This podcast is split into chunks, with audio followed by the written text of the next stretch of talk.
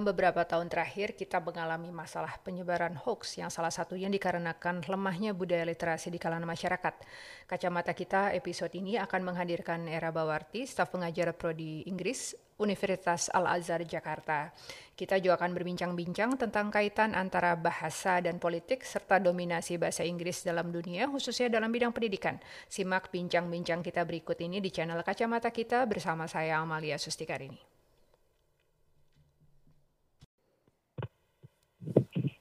Assalamualaikum. Waalaikumsalam. Selamat sore Mbak Era. Apa kabar? Sore Mbak Lia. Baik, alhamdulillah. Balik gimana kabarnya? Alhamdulillah baik Mbak Era. Gimana di Jakarta hujan? Atau di Depok kena Nah, hujan banjir, juga? Mbak. Banjir ya. Aduh. Banjir kalau Jakarta. Kalau- Kalau Depok ban- eh, hujan aja tapi nggak banjir. Alhamdulillah. Alhamdulillah. Semoga tetap aman ya Mbak Era ya. Amin. Oke, sebelumnya terima kasih banyak waktunya sudah menyempatkan berbincang-bincang dengan saya di channel Kacamata Kita, Mbak. Dan senang sekali akhirnya bisa berbincang-bincang tentang topik linguistik, tentang topik literasi, topik yang rasanya penting banget. Dan saya pikir pasti uh, banyak pendengar dari Kacamata Kita yang akan banyak sekali dapat manfaat dari bincang-bincang kita sore ini ya, Mbak ya. Amin. Mudah-mudahan ya Mbak Lia. Oke, gini Mbak, kan sudah beberapa tahun terakhir kita mengalami masalah penyebaran hoax ya atau fake news yang bahkan terjadi sampai Ya. level global, nggak cuma di nasional aja. Nah, kerapuhan kita menghadapi hoax ini kan eh, eh, dikarenakan salah satunya adalah katanya karena lemahnya tingkat litera- literasi. Nah, kadang kan kita secara sederhana mengartikan bahwa literasi itu adalah kemampuan membaca. Jadi kalau kita bisa membaca, berarti kita eh, literate gitu ya Mbak ya. Padahal sebetulnya kan maknanya lebih dari itu eh, Mbak Era ya. Se- Nah sebagai Betul Mbak Lia. dosen linguistik yang sehari-hari berurusan dengan kata-kata dan bahasa, eh, juga tentunya untuk eh, apa tentang masalah literasi ini, boleh nggak Mbak Era jelaskan sebetulnya apa sih Mbak makna dari literasi itu? Oke, terima kasih Mbak Lia ya. Bismillahirrahmanirrahim. Mudah-mudahan itu lantaran eh, mungkin bahan referensi yang saya baca Mm-mm. eh, tidak sama atau berbeda dengan orang-orang pada umumnya. Hmm, Oke. Kalau konsep literasi sendiri memang secara semantik atau secara makna literal ya seperti itu. Mm-mm. Kemampuan membaca, menulis, um, um, berbicara, mendengar, uh, dan termasuk juga berhitung. Mm-mm. Artinya kemampuan-kemampuan dasar manusia Mm-mm. untuk bertahan hidup. Oke. Hmm, hanya saja kemudian seiring dengan perkembangan waktu, Mm-mm. maknanya mengalami perluasan kan nggak semata-mata eh, hal-hal yang mendasar seperti itu, tapi juga hal-hal yang lebih eh, luas secara konsep. Mm-mm. Mm, jadi eh, mungkin saya mulainya dari eh, pemahaman sederhana dulu tentang tentang kemahiran dasar dasar berbahasa manusia dulu ya. Mm-mm. Manusia kan ketika lahir belum dikaruniai kemampuan bicara, membaca apalagi menulis Mm-mm. gitu kan. Tapi manusia normal pada umumnya ketika lahir sudah dikaruniai kemampuan mendengar. Oke. Dari kemampuan mendengar itu dia Mm-mm. belajar menirukan eh, kata-kata dari eh, pengasuhnya bisa ibu bisa Oke. ya siapa saja lah orang dewasa di sekitarnya yang Mm. mengajari dia berbicara itulah makanya ada istilah uh, magatang atau lingua franca sehingga kemudian bisa eh, bisa bicara gitu ya bicara dalam artian be- bicara sesuatu yang memiliki makna ya mbak. Nggak cuma bal- bal- apa blabbering atau um, maracau gitu ya. Nah, eh, setelah eh, kemampuan dasar mendengar dan berbicara dengan pemahaman, dengan comprehension itu dikuasai pada level-level eh, tertentu, kemudian biasanya anak manusia masuk eh, ke dunia pendidikan formal kan. Iya Di situ nanti dia diajari ber- ber- memba- membaca dan berhitung. Kemudian dari hasil bacaan itu tentu saja ada tuntutan kurikulum atau tuntutan akademis lain berupa uh, tulisan gitu ya. Jadi si anak kelak uh, si anak manusia ini kelak akan diminta untuk mempertanggungjawabkan hasil comprehensionnya atau hasil pemahaman membacanya menjadi uh, bentuk tulisan, Tulisan. tertentu. Mm-mm. Ya, tulisan tertentu. Nah, kemampuan eh, keempat kemampuan berbahasa ini eh, akan terus berkembang seiring dengan berjalannya usia. Oleh karena itu makanya manusia dikatakan tidak hanya tumbuh eh, secara fisik ya, melainkan juga kembang Mm-mm. secara eh, eh, kognitif, eh, afektif dan psikomotor. Jadi eh, mereka akan terus berkembang uh, mengikuti tahapan-tahapan perkembangan manusia pada umumnya. Hmm. Nah, uh, sayangnya uh, apa namanya? Yaitu mungkin uh, Mbak Lia juga aware ada yang namanya lompatan digital ya. Hmm ketika sebetulnya mungkin pemahaman manusia secara kognitif belum sampai di level tertentu, okay. sementara dia sudah dihadapkan pada uh, dunia digital yang serba cepat dan serba immediate gitu. Mm. Um, menuntut dia untuk mengomentari segala hal. Makanya kita mengenal istilah FOMO kan Mbak ya, fear of missing out. Yeah. Nah, segala sesuatu kayaknya perlu dikomentari atau di uh, apa namanya ditimbrungi gitu. Padahal mm. kan nggak melulu kita punya kemampuan atau kognisi, kognisi atau comprehension terhadap isu yang dibahas. Nah, jadi uh, di situlah literasi uh, dituntut untuk hadir gitu ya. Nggak um, melulu dalam bentuk prod, uh, produk dari pendidikan formal, tapi juga uh, dari pengalaman sehari-hari sebagai apa saja mbak gitu ya, sebagai murid, sebagai mahasiswa, sebagai dosen, sebagai berumah tangga, sebagai kaum pekerja gitu ya dan sebagainya gitu. Nah, sejauh ini yang saya pahami literasi adalah seperti itu ya. Jadi kemampuan kita memahami berbagai fenomena yang ada di sekitar kita okay. uh, dengan pemahaman yang uh, seutuhnya gitu ya. Hmm. Artinya kita bisa memotret itu dari berbagai kacamata um, persepsi, nggak melulu dari kacamata persepsi kita, tapi juga bisa dari kacamata persepsi yang uh, berbeda-beda. Pandangan dari kita. Oke. Okay. Kurang lebih seperti itu, Mbak. Oke. Okay. Hmm, nah, kalau menurut Mbak Era sendiri penyebab dari lemahnya literasi ini tadi Mbak Era sudah sempat singgung juga tentang lompatan digital ya. Apakah ada faktor lain Mbak yeah. yang membuat uh, literasi yang Mbak Era juga tadi sampaikan bahwa ini kemampuan untuk apa ya uh, pemahaman terhadap uh, konteks yang bermacam-macam ya Mbak ya, persepsi yang bermacam-macam, ya, nggak cuma dari persepsi ya, kita betul. saja dan tentunya tidak juga literal dari teks aja gitu kan, tapi kemudian ya, uh, pemahaman yang luas itu kira-kira uh, konteks. Selain dari lompatan digital yang membuat orang harus serba cepat gitu ya dan menangkap informasi hmm.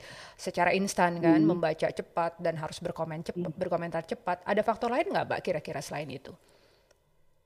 Selain itu ya. Hmm. Hmm saat ini sih menurut saya masih itu yang merupakan dominan ya, faktor ya. dominan, oke. Okay. Dominan, mm -hmm. tapi lebih ke gini Mbak. Jadi kita tahu bahwa lompatan digital ini memang merupakan uh, impact atau dampak dari uh, teknologi kan. Mm -hmm. Sementara teknologi itu asal muasalnya pasti dari dunia barat okay. gitu kan. Mm -hmm. Dunia barat. Nah, dalam hal ini mungkin uh, dunia yang berbahasa Inggris. Kita nggak hmm. bilang bahwa produk teknologi maju itu melulu merupakan produk dari hmm. negara-negara yang berbahasa Inggris, tapi hmm. juga dari negara-negara yang berbahasa non Inggris. Hanya hmm. saja uh, segala sesuatunya pada saat ini ter terkait teknologi yang kekinian atau kebaruan itu hmm. biasanya dituangkan dalam bahasa Inggris. Termasuk apabila ya kebetulan Mbak Lia sama saya sama-sama dosen ya kita hmm. kalau mau bikin paper atau apa kan harus diterjemahkan ke dalam bahasa Inggris, apalagi kayak Mbak Lia gini hmm. lulusan asing yang udah pasti hmm. harus menulis uh, dalam bahasa Inggris sebagai wadah diseminasi ilmu pengetahuan kita. Hmm. Nah, jadi uh, apa namanya uh, selain karena lompatan teknologi tadi, kekurang tanggapan uh, kita Indonesia ya pada khusus, hmm. pada khususnya terhadap uh, berbagai uh, hal yang harusnya dipahami melalui literasi itu lantaran juga salah satunya minimnya penguasaan terhadap bahasa Inggris gitu ya.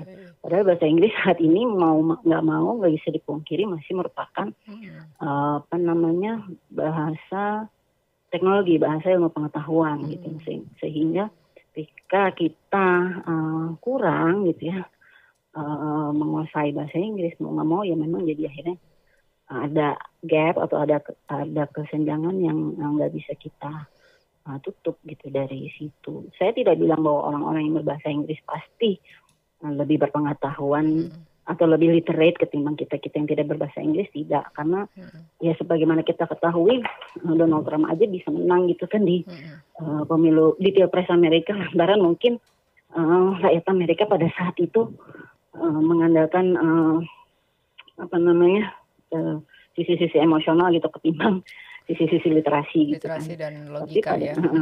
Iya, uh, literasi dan logika. Hmm. Tapi hmm, hmm. ya memang nggak bisa dipungkiri sekarang apa pun gitu ditulis dalam bahasa Inggris dan apabila kita nggak memahami bahasa Inggris tentu saja pada akhirnya kita juga meng, uh, harus uh, dihadapkan pada kenyataan kita nggak bisa berkejaran dengan uh, ilmu pengetahuan uh, secara khusus dan pengetahuan umum secara uh, umum. Oke. Okay. Uh, ini saya masih pengen tahu nih tentang makna litera apa literasi itu tadi dikaitkan dengan hoax nih Mbak ya. Uh, tadi soalnya menarik hmm. penjelasan Mbak Era bahwa kemampuan literasi itu kemampuan kita untuk memahami sesuatu dari berbagai perspektif. Nah, uh, hmm. ini kalau pemahaman saya Mbak ya, uh, uh, apa tolong diluruskan apabila salah gitu. Uh, persepsi terhadap berbagai macam hal itu kan biasanya bisa kita dapat kalau kita banyak membaca ya Mbak ya. Dan jadi kan kita mm, dapat yeah. perspektif dari uh, berbagai mm. sudut pandang juga gitu loh, berbagai orang, berbagai mm. pengarang. Nah, mm. apakah kemudian um, rendahnya literasi ini yang berujung pada mudahnya kita menerima hoax itu apakah juga karena uh, apa ya tadi itu ya lompatan digital kita juga malas membaca Mbak? Bisa Mbak gini. Mm -hmm tadinya saya beranggapan orang-orang dengan pendidikan formal yang memadai mm-hmm. uh, akan lebih literate ketimbang orang-orang yang tidak gitu ya. Mm-hmm. Tapi enggak tuh mungkin Mbak ya? baru saja okay. mm-hmm. iya enggak juga. Mungkin Mbak baru saja uh, mendengar ada seorang komisioner Komisi Perlindungan oh, Anak Indonesia iya. yang iya yang uh, tiba-tiba uh, muncul dengan statement bahwa orang bisa hamil uh, di kolam renang gitu ya. Uh, saya sampai menelusur ke uh, apa namanya eh lewat googling gitu ya hmm. ini orang siapa gitu. Hmm. ternyata pendidikannya tinggi loh S3 gitu kan oh, okay. hmm. nah di bidang manajemen manajemen di S2-nya malah uh, pendidikan anak usia dini kalau nggak salah hmm. hmm, hmm. artinya orang ini berpendidikan gitu kan hmm. tapi ternyata uh, masih terjebak juga pada hal-hal yang sifatnya hoax kan okay. atau menyebarkan informasi yang salah dan betul-betul uh, apa ya uh, patut ditertawakan mengingat keluar atau meluncur dari mulut orang yang berpendidikan. Mm -hmm. Nah ini kan berarti asumsi kita selama ini salah orang pendidikan cenderung untuk lebih literate ternyata enggak juga mm -hmm. tuh ya ternyata ada juga uh, yang uh, apa namanya bisa salah uh, informasi. Mm -hmm. Nah uh, dikaitkan dengan apa namanya malas membaca atau bagaimana ya bisa juga tapi lebih ke ke gini sih mbak kalau di Indonesia saat ini kan uh, sebagai dampak dari pilpres 2014 eh sorry 14 mm -hmm. itu kan polarisasi masih um, masih sangat terasa ya mm -hmm. gitu kan mungkin uh, uh, apa namanya uh, itu imbasnya masih sampai sekarang gitu kan okay. sehingga akhirnya orang-orang yang cenderung berpihak mm -hmm. uh, atau cenderung mengambil uh, si, uh, mengambil apa istilahnya posisi di salah satu polar mm -hmm. itu akan uh, mengabaikan akan cenderung mengabaikan informasi apa pun yang tidak sesuai dengan okay. uh, tidak sesuai dengan preferensinya um, ya kali ya preferensi dia hmm, gitu hmm, preferensi hmm. politik lah dalam ini terutama hmm, hmm. sehingga akhirnya kita melihat uh, apa namanya orang-orang tersebut kok seperti tidak literate gitu ya hmm. padahal ya itu karena uh, emosi uh, polar itu ke bawah-bawah dalam uh, apa namanya kognitif dia, dalam uh, afektif dia, dan mm-hmm. dalam psikomotor dia sehari-hari gitu. Nah itu kan menyebabkan kita jadi ragu kan sebetulnya ternyata bukan lantaran malas membaca aja kok betul, orang betul, menjadi tidak literate. Iya. Ternyata ada juga unsur uh, emosional di situ mm-hmm. yang ke, yang uh, secara khusus dalam kasus Indonesia mungkin dikaitkan dengan um, polarisasi pilihan ya? politik atau uh, preferensi okay. politik. Okay. Iya.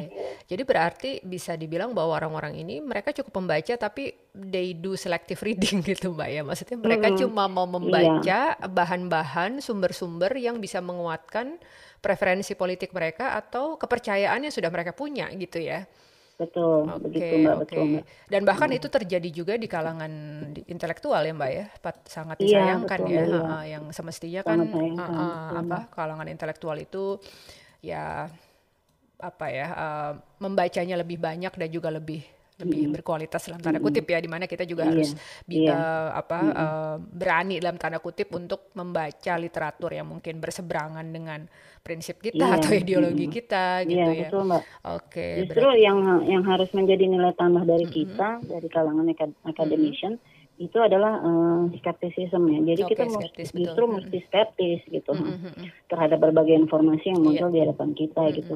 Uh, informasi yang ini mesti kita validasi lagi dengan informasi lain yang lebih Mm, mm, mm, mendukung misalnya begitu ya. Dan nggak melulu kita pasti punya preferensi politik pastilah ya. Iya. Cuman kan nggak melulu uh, preferen apa uh, informasi yang sesuai dengan preferensi kita itu benar adanya Iya, gitu kan. Oke. Mm, Perlu disokong oleh informasi lain yang lebih valid dan kalaupun misalnya ada informasi yang berbeda mm, mm. yang mm, bertentangan dengan apa yang kita yakini, ya kita juga mesti cari validasinya dong gitu. Siapa Mm-mm. tahu informasi tersebut juga benarnya. Ya itu yang harusnya menjadi keunggulan kita sih sebagai Iya, akademisi. betul. Skeptis dan berjarak terhadap berbagai informasi yang eh, apa namanya muncul di depan kita. Oke. Itu sih kalau menurut saya.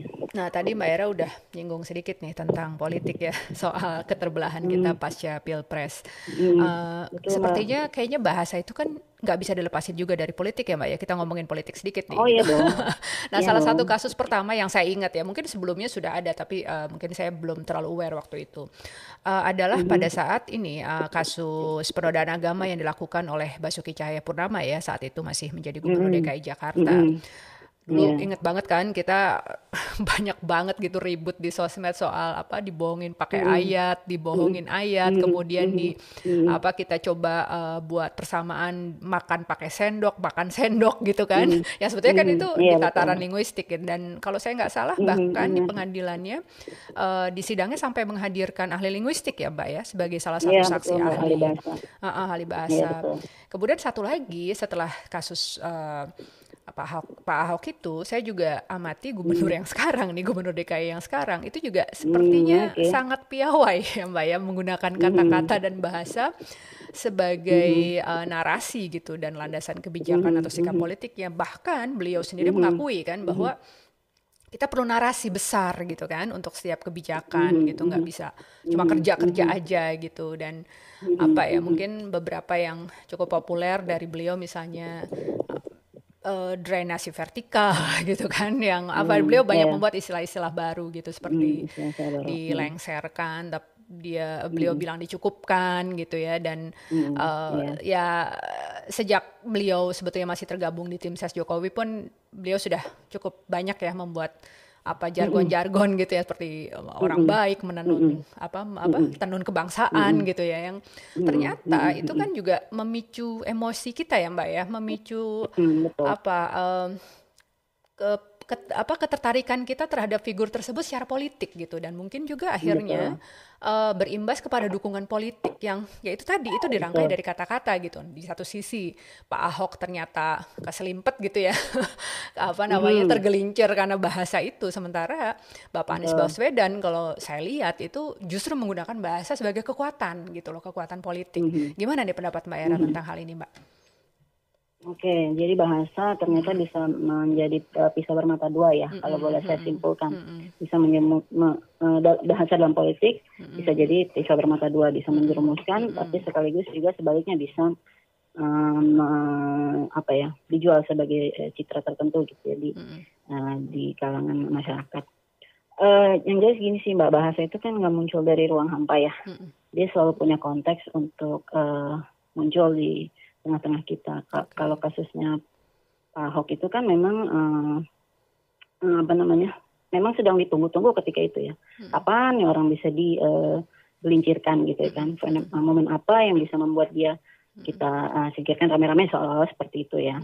Karena memang eh, harus diakui ada banyak sekali pihak yang eh, berbeda-beda sebetulnya, tapi punya kepentingan politik yang sama untuk mm, menyingkirkan Pak Ahok dari panggung eh, politik ya Mm-mm. politik eh, DKI pada saat DKI, itu ya. gitu ya. Jadi ketika ketika muncul itu, muncul kejadian di eh, Pulau Seribu itu, ya sudah itu dimanfaatkan sekali oleh berbagai kalangan yang memang eh, berniat menyingkirkan beliau. Mereka juga sebetulnya preferensi politiknya bisa saja berbeda-beda, tapi hmm, karena satu kepentingan mereka bersatu padu gitu kan untuk ya, mengangkat isu itu menjadi isu besar yang akhirnya membuat Pak Ahok dipidana dan akhirnya jadi eh, terpidana jadi narapidana sorry. Mm-mm. Nah, eh, itu ke bahasa bahasa yang muncul dari eh, ruang konteks eh, penyingkiran terhadap Ahok gitu ya. Jadi apa yang dikatakan Ahok itu akhirnya dimanfaatkan betul oleh berbagai pihak. gitu. Mm-mm. Sementara Pak Anies Pak Anies atau Gubernur DKI yang sekarang itu justru memang eh, yang seperti Mbak Lia bilang tadi memang sangat piawai berkata-kata kan hmm. ya beliau jadi apa uh, ini uh, populer dengan Indonesia mengajar, ya, kemudian hmm. menjadi rektor di salah satu universitas swasta hmm. uh, yang baik di Jakarta, kemudian juga dia muncul sebagai tim suksesnya Jokowi kan hmm. memang uh, itu yang menjadi andalan beliau kan. Hmm. Uh, Pak Jokowi pada 2000 14 itu kan memang orang yang baru muncul dari Solo mm-hmm. sama sekali tidak bisa uh, bermain kata-kata sehingga betul. yang sosok seperti Panis sosok seperti Panis memang sangat dibutuhkan untuk mm-hmm. uh, memoles Pak Jokowi gitu mm-hmm. memoles kemampuan Pak Jokowi untuk uh, berretorika gitu mm-hmm. pada saat itu nah nah uh, ya itu memang keunggulan Panis sehingga itu yang mm-hmm. itu yang kemudian dimanfaatkan terus oleh beliau sampai uh, akhirnya beliau berhasil menduduki kursi uh, atau jabatan politik yang sekarang ini sedang beliau pegang gitu. Mm-hmm. Uh, bahwasannya sebagian kalangan beranggapan beliau sebetulnya nggak kompeten untuk menduduki posisi ini tidak menjadi masalah bagi orang-orang tertentu yang sudah mati-matian menjadi fangirlnya mm-hmm. gitu kan ya mm-hmm. karena uh, ya itu ternyata bahasa mm-hmm. merupakan saya nggak bilang satu-satunya ya tapi merupakan uh, nilai tambah panis yang paling dominan gitu yang membuat beliau uh, masih bisa berkelit-kelit gitu di tengah berbagai deraan kritik atau bahkan hujatan dari orang-orang yang menganggap beliau sama sekali tidak kompeten hmm. dan saya lihat um, sampai sekarang pun setelah ini ya mbak setelah banyak sekali musibah banjir nih di dua hmm. dua bulan pertama di tahun 2020 yeah. ini Eh, enam kali kan sudah ada banjir DKI kan hmm. sudah enam kali mbak dalam dua bulan aja ini okay. udah enam kali itu kan hmm. harusnya sudah cukup untuk um, membuat beliau dipertanyakan secara uh, legal formal gitu ya, ya. Hmm. hmm. kapasitasnya kompetensinya sebagai gubernur hmm, hmm. tapi toh beliau masih bisa menampilkan citra uh, baik gitu ya dalam tanda kutip melalui permainan kata-kata gitu hmm. dan itulah yang menyebabkan uh, itu yang saya bilang tadi bahasa yang digulirkan oleh Panis tidak pernah muncul dari ruang hampa. Dia selalu punya uh, daya pesona gitu untuk uh, apa namanya menampilkan yang baik-baik dari uh, dari uh, dirinya dari DKI Jakarta di bawah kepemimpinannya melalui kata-kata yang mungkin uh, apa namanya ya kosong tapi uh, cantik gitu didengar gitu.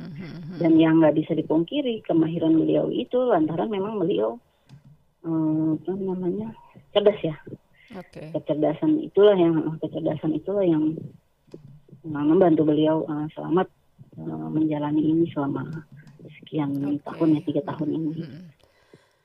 Uh, terus gini mbak, hmm, Hmm. Akhirnya ini kan politik identitas makin menguat ya, dan lagi-lagi ya, tidak betul. bisa dibutuh, uh, di, tidak bisa dilepaskan dari itu tadi narasi, framing dan lain-lain gitu. Hmm. Dan yeah. itu sepertinya gimana menurut Mbak Era? Apakah menjadikan peran um, bahasa ini ya dalam mengemas apa apa pun itu gitu jargon politik, kebijakan dan lain-lain gitu ya termasuk mungkin mendiskreditkan pihak lain yang tidak satu golongan gitu atau meninggikan pihak yang satu golongan itu menjadi semakin krusial Mbak. Hmm, politik identitas ya. Mm -mm. Dalam hal ini mm -mm. apa agama Islam ya, ya agama atau ya mungkin kalau di luar itu apa uh, ras gitu ya, etnik karena kan berlaku oh, okay. secara global juga ya Mbak ya nggak cuma di Indonesia gitu. Apakah kemudian penggunaan bahasa ini menurut Mbak Era menjadi semakin penting gitu untuk mengemas jargon-jargon atau framing-framing identitas ini Mbak? Oh iya dong, nggak hmm. uh, bisa dipungkiri bahasa berperan sangat dominan hmm. di dalam mengemas berbagai framing atau berbagai hmm. narasi yang uh, mengedepankan uh, politik identitas ya. Hmm. Uh, apa namanya? Uh, kayak kalau di Jakarta, eh sorry, iya di politik Jakarta tuh uh, Muslim kafir gitu ya, hmm. seperti itu ya. Hmm. Atau kalau mungkin kalau di uh, Amerika uh, ada uh, apa white gitu ya, ada white sama colored, hmm. colored people misalnya seperti hmm. itu ya. Jadi memisahkan antara kita dengan kalian gitu kan. Hmm uh, ya tentu saja uh, bahasa itu kan uh, muncul pakai konteks gitu ya dengan menggunakan konteks dan konteks-konteks itulah yang berusaha dihadirkan artinya gini bahasa itu kan sifatnya intertekstual ya mbak ya okay. sebuah konsep atau sebuah kata atau sebuah frase atau sebuah istilah nggak mungkin muncul tanpa ada kemunculan uh, teks yang mendahulunya. Hmm. Jadi kita katakan itu sebagai intertekstual. Kata kafir itu kan kata, kata kafir itu kan sebetulnya netral saja gitu kan. Hmm.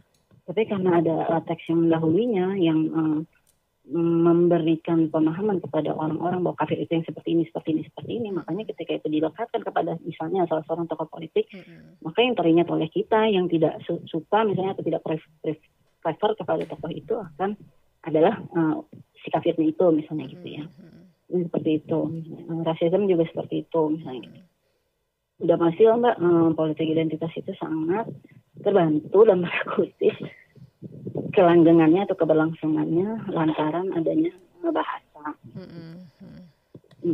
Oke. Okay. Oke okay, oke. Okay. Nah ini uh, topiknya agak lain nih, nggak nyerempet-nyerempet politik nih mbak. Mm. Tadi tapi sebetulnya mm. juga udah sempat kita obrolin sebentar sih, yaitu tentang uh, mm kekuatan bahasa Inggris ya. Uh, tadi Mbak Era hmm, bilang bahwa iya, ya penguasaan bahasa Inggris itu merupakan merupakan salah satu hal yang penting dan hmm. uh, ya tentunya hmm. bisa dipahami Mbak Era sendiri kan dosen hmm. di prodi bahasa Inggris ya di Universitas Al Azhar ya, gitu. Mbak. Uh, dan memang dominasinya belum bisa digoyahkan sepertinya ya sebagai yeah. uh, lingua mm. franca global gitu dan dipergunakan mm. di banyak sektor khususnya pendidikan dan mm. bisnis gitu. Mahasiswa yang ingin melanjutkan studi di kampus-kampus besar di dunia ya terutama di uh, Amerika Serikat atau Eropa itu kan biasanya atau Australia dan New Zealand ya itu kan biasanya harus mendapatkan skor skor bahasa Inggris yang baik ya mbak ya yeah. uh, yeah. lewat. IELTS atau TOEFL gitu lewat tes-tes tersebut dan uh, harganya hmm. mahal mbak untuk tes itu ya, ya bisa sampai 2 sampai 3 juta hmm. gitu iya, dan ya, banyak betul. cukup banyak gitu yang uh, gagal di tes bahasa Inggris tersebut padahal hmm. tingkat intelektual hmm. mereka mungkin sebenarnya sangat baik gitu dan hmm. mampu gitu ya, untuk benar. kemudian uh, melanjutkan uh, pendidikan jenjang lebih tinggi apakah S2 atau S3 hmm. gitu tapi kehalang hmm. oleh tes bahasa Inggris itu yang mungkin harus mereka hmm. ulang-ulang dan ya karena hmm. biayanya mahal mungkin akhirnya ya hmm. deadline-nya lewat lah gitu ya uh, gitu dan kendala hal teknis lain hmm. gitu. Nah kalau dari literatur apa nih neokolonialisme atau neoimperialisme hmm. kan ada gitu beberapa kalangan yang menganggap dominasi bahasa Inggris ini sebagai ya semacam bentuk imperialisme kebudayaan baru gitu mbak ya bahkan ya, uh, di kampus saya saya ada satu penelitian yang menarik gitu ya bahwa bukan hanya hmm. dominasi penggunaan bahasa Inggris itu saja gitu tapi hmm. penutur apa uh, aksen pun menjadi penting gitu jadi bahwa penutur oh. bahasa Inggris yang bukan mother tongue-nya gitu ya uh, yang sebetulnya hmm, sudah iya. lancar yeah. berbahasa Inggris sangat baik hmm. tapi akan hmm. mendapat hmm. semacam privilege gitu uh, mm, atau perlakuan yang lebih baik apabila aksennya tuh mm. new apa deket-deket aksen Amerika atau British gitu jadi nggak mm, bawa aksen asalnya ya. gitu jadi sedemikian mm -hmm. luar biasa gitu kan pressure untuk mm hmm. Uh, kita kita ya termasuk kita karena kan kita bukan hmm. penutur bahasa Inggris yeah. gitu untuk yeah, untuk bisa dong. menguasai bahasa Inggris tersebut supaya bisa striving hmm. gitu di dalam ya hmm. mungkin kehidupan lah ya apalagi kalau bisa hmm. ingin berkompetisi global. Nah gimana nih pendapat Mbak Era sebagai dosen bahasa Inggris nih Mbak untuk tentang hal ini nih Mbak? Oh iya betul banget Mbak ya mm -hmm. bahasa Inggris itu saat ini saya sudah baca beberapa literatur mm -hmm. lah ya mm -hmm.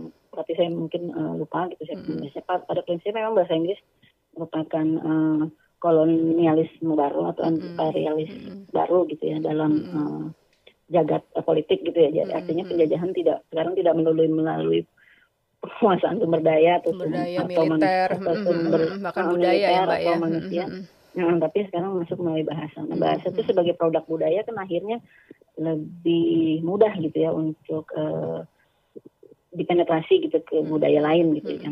Anak-anak sekarang kan juga uh, anak sekarang anak Indonesia ya pada khususnya hmm. pada pada khususnya tuh uh, exposure terhadap uh, bahasa Inggris itu sangat kuat gitu ya. Hmm. dengan adanya internet terutama sih ada YouTube ada uh, dan sebagainya ya. Artinya kalau dibanding zaman kita kan kita uh, belajar bahasa Inggris murni dari sekolah dengan dua jam pelajaran saja yeah. di pekannya gitu kan. Nah, itu aja kita udah saat ini kita rasakan kita lumayan gitu ya apalagi anak-anak sekarang gitu.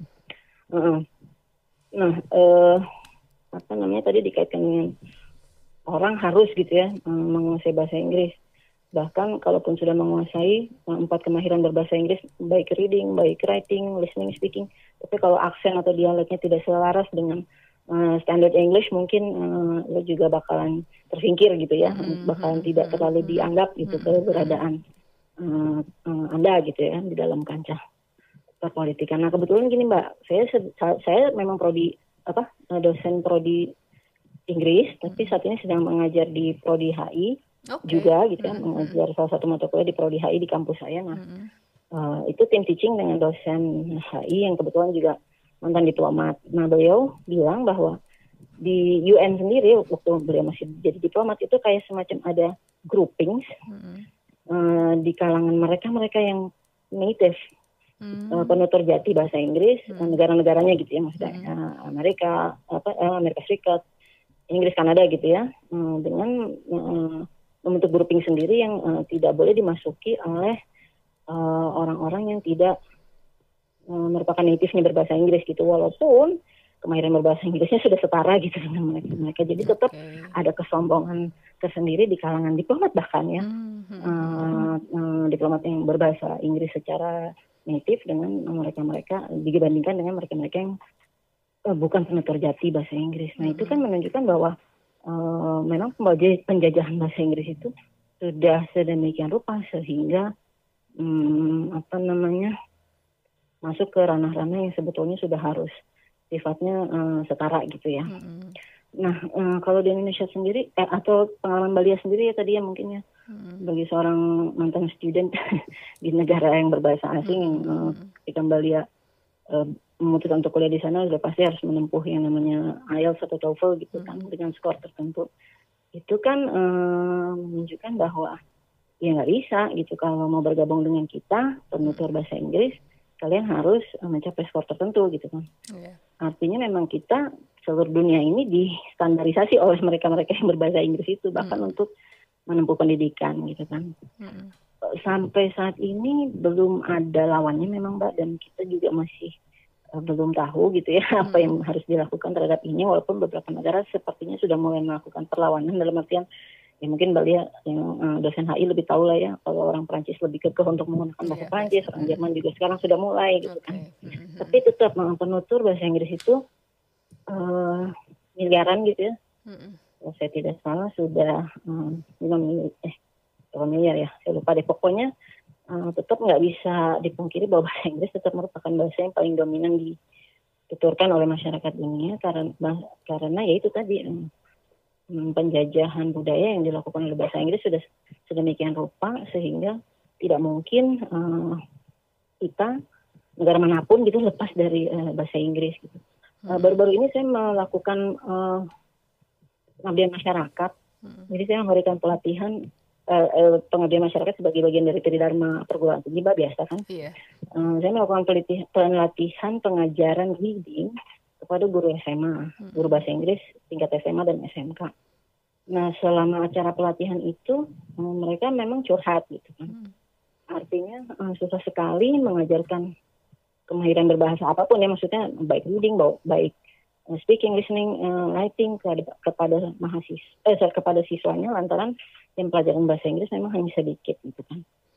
Nah ini kan yang menarik ya, kapan kita bisa menguasai bahasa Inggris kalau jam pelajaran bahasa Inggris hanya dialokasikan dua jam pelajaran sepekan gitu hmm. uh, dengan tuntutan kurikulum yang oh sorry tuntutan zaman yang sedemikian berat gitu hmm. anak-anak harus menguasai bahasa Inggris tapi exposure-nya minim sekali gitu hmm. ya akhirnya kan uh, hanya anak-anak tertentu yang anak-anak Indonesia tertentu yang punya akses okay. berlebih gitu kan terhadap hmm. exposure bahasa Inggris anak-anak yang punya akses internet misalnya yang bisa hmm. Hmm. pada akhirnya bersaing gitu kalau dikaitkan dengan bahasa Inggris. Hmm. Kita sampai saat ini memang belum bisa melakukan apa-apa sih mbak mau nggak mau ya hmm. harus ikut arus kan kalau berenang melawan arus itu pasti capek gitu.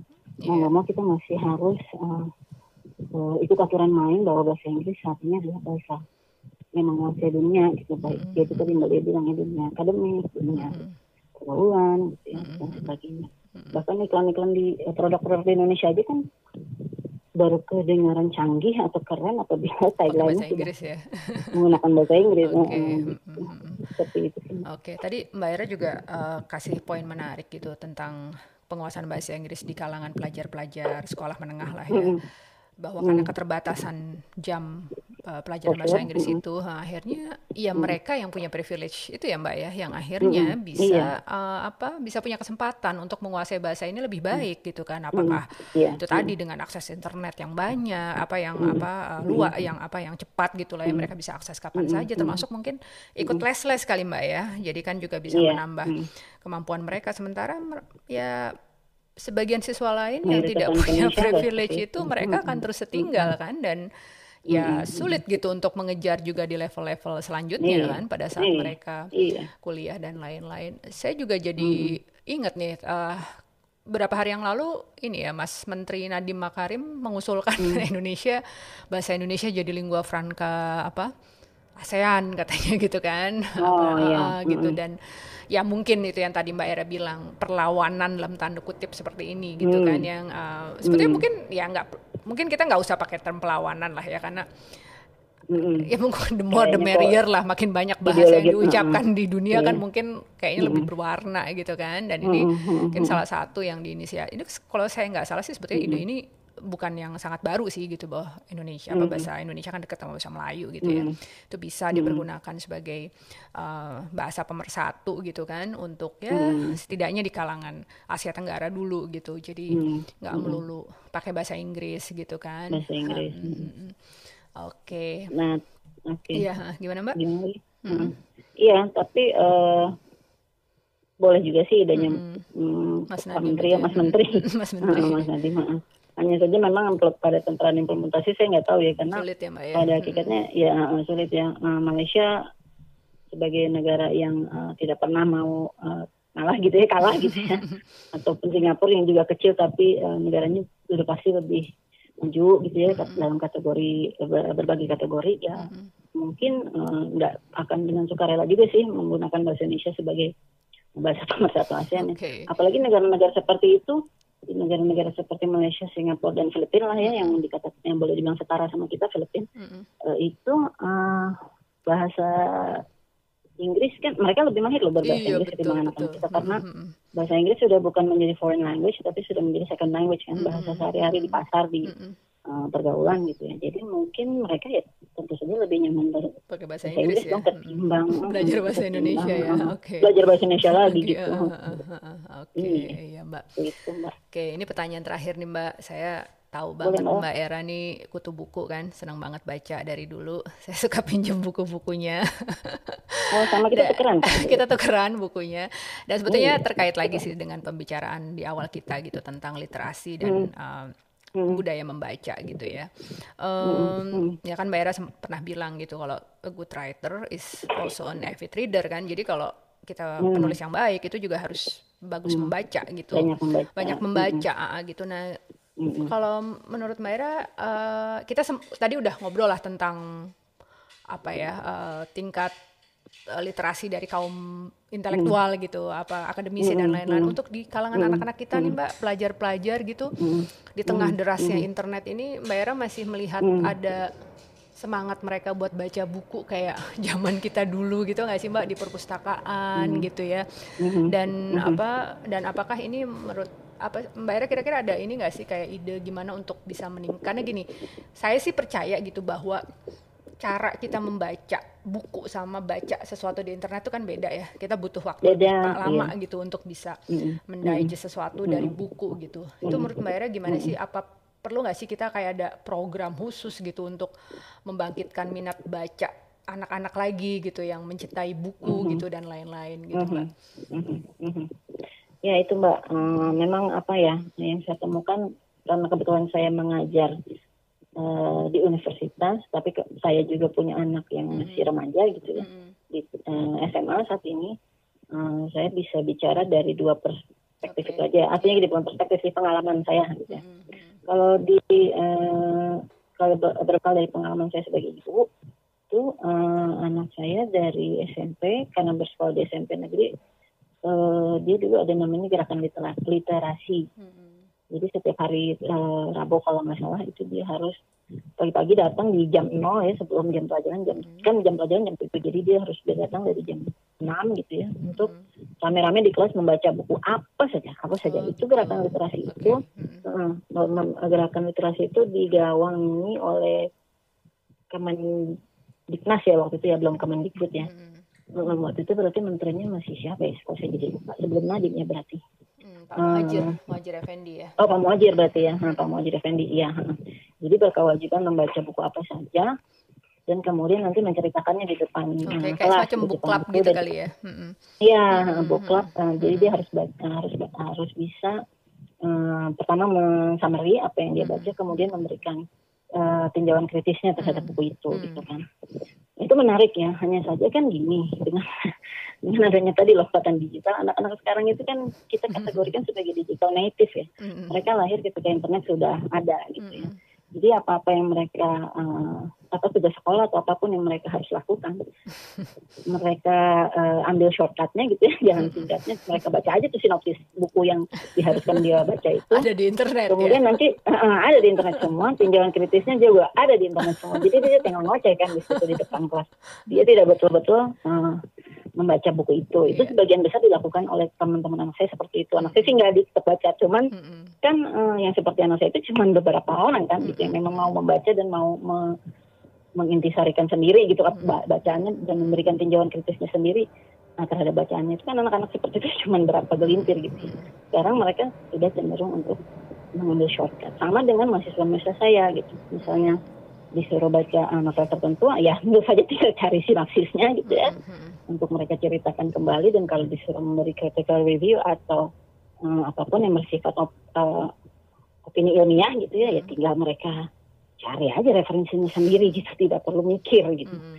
Nah itu kan bahaya ya sebetulnya mbak. Ternyata hmm. internet itu bisa sampai seperti itu daya daya gedor buruknya gitu hmm. terhadap uh, ke apa ya kemampuan membaca gitu. Anak-anak jadi malas membaca. Nah saya juga jadi bingung mbak sebetulnya. Ini harus diapain gitu ya. uh, apa namanya uh, apa namanya fenomena seperti ini ini kan susah gitu kita sebagai orang yang uh, dikategorikan sebagai digital imigran kita kan lahir nggak ada belum ada ya digital ya. Oh oke okay. jadi kalau oh, kalau gitu kita gitu, kategorinya digital imigran ya mbak ya sedangkan anak-anak kita mbak, itu uh, digital native. Native. Oh oke iya. oke oke. Jadi kita sebagai digital imigran kan kadang-kadang tertatih-tatih gitu harus melakukan banyak inovasi supaya anak-anak tetap tertarik membaca iya. secara uh, pure seperti kita dulu gitu kan. Nah, sebagai dosen saya sampai saat ini memang masih mencari metode, hmm, metode yang paling pas gitu ya hmm. untuk uh, apa namanya menggedor daya uh, daya apa ya keinginan anak-anak untuk membaca secara murni gitu. Hmm. Karena memang susah sekali sih dengan adanya internet ini mau mau diapain gitu. Hmm, paling-paling paling paling saya jadi ketahuan. Paling-paling ya itu saya suruh bikin uh, summary gitu ya. Tapi ya itu lagi saya lagi. Paling saya uh, apa namanya? Hmm, saya suruh bikin summary lalu uh, apa namanya untuk membuktikan bahwa dia benar membaca Baca, atau tidak uh. ya saya bikin uh, saya bikin pertanyaan-pertanyaan yang sifatnya nggak ada di tugas gitu ya? Uh, uh, uh, nggak ada di tugas itu uh, gitu, nggak okay, atau nggak ada di uh, bahan mana-mana gitu. See, okay. Yang benar-benar uh, benar-benar memang mungkin kan saya untuk mengorek gitu, ini anak beneran baca atau enggak gitu. Mm -hmm itu bisa sih mbak terus terang mungkin mbak juga sebagai dosen iya, merasakan iya, kan betul, betul. mahasiswa yang lahirnya di zaman betul. kekinian hmm. gitu ya. sebetulnya sih kalau menurut saya mbak uh, nggak masalah hmm. sih asal misalnya mereka baca buku e-book gitu ya tapi yang penting proses hmm. membacanya tetap berjalan gitu nah jadi nah itu, tidak nah kemudian terbiasa cari informasi instan udah cepet summary hmm. gitu kan nah, ngambil dari hmm. mana hmm. udah gitu kan tapi proses kognitifnya hmm. itu nggak jalan jadi mediumnya sih menurut saya nggak nggak masalah gitu kan ada Kindle iya. ada e-book gitu tapi prosesnya itu tadi. Dan memang ya mbak kita sebagai pengajar pendidik masih struggle ya untuk kemudian membuat budaya membaca buku ya dalam medium apa pun ini tetap bisa dipertahankan gitu ya. Oke, okay, kalau gitu Mbak Era uh, sukses semoga bisa Oh, menemukan sama-sama. formulasi terbaik nih mengajak Iya, generasi belum nih muda. Mungkin kita. Mbak Lia punya tips-tips. Boleh Kita nanti kita berbagi. iya kita sharing, kita mungkin ya entahlah ya mungkin bikin book club yang reguler Eh, gitu dan membuat bareng, eh, eh, iya. baca itu menjadi sesuatu yang fun lagi gitu untuk anak-anak dan Iya, remaja gitu.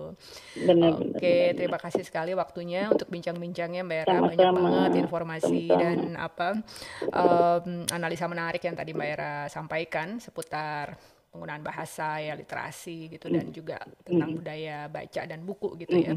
Oke, sukses untuk semua aktivitasnya Mbak Era. Sekali lagi terima kasih. Sama-sama. Oke, uh, selamat sore. Assalamualaikum warahmatullahi wabarakatuh. Salam warahmatullahi wabarakatuh. Demikian tadi perbincangan saya dengan Era Bawarti, dosen Universitas Al-Azhar Jakarta, tentang penyebaran hoax, kemampuan literasi, serta kaitan bahasa dan politik. Simak terus episode menarik berikutnya di channel Kacamata Kita bersama saya Malia Sustikarini.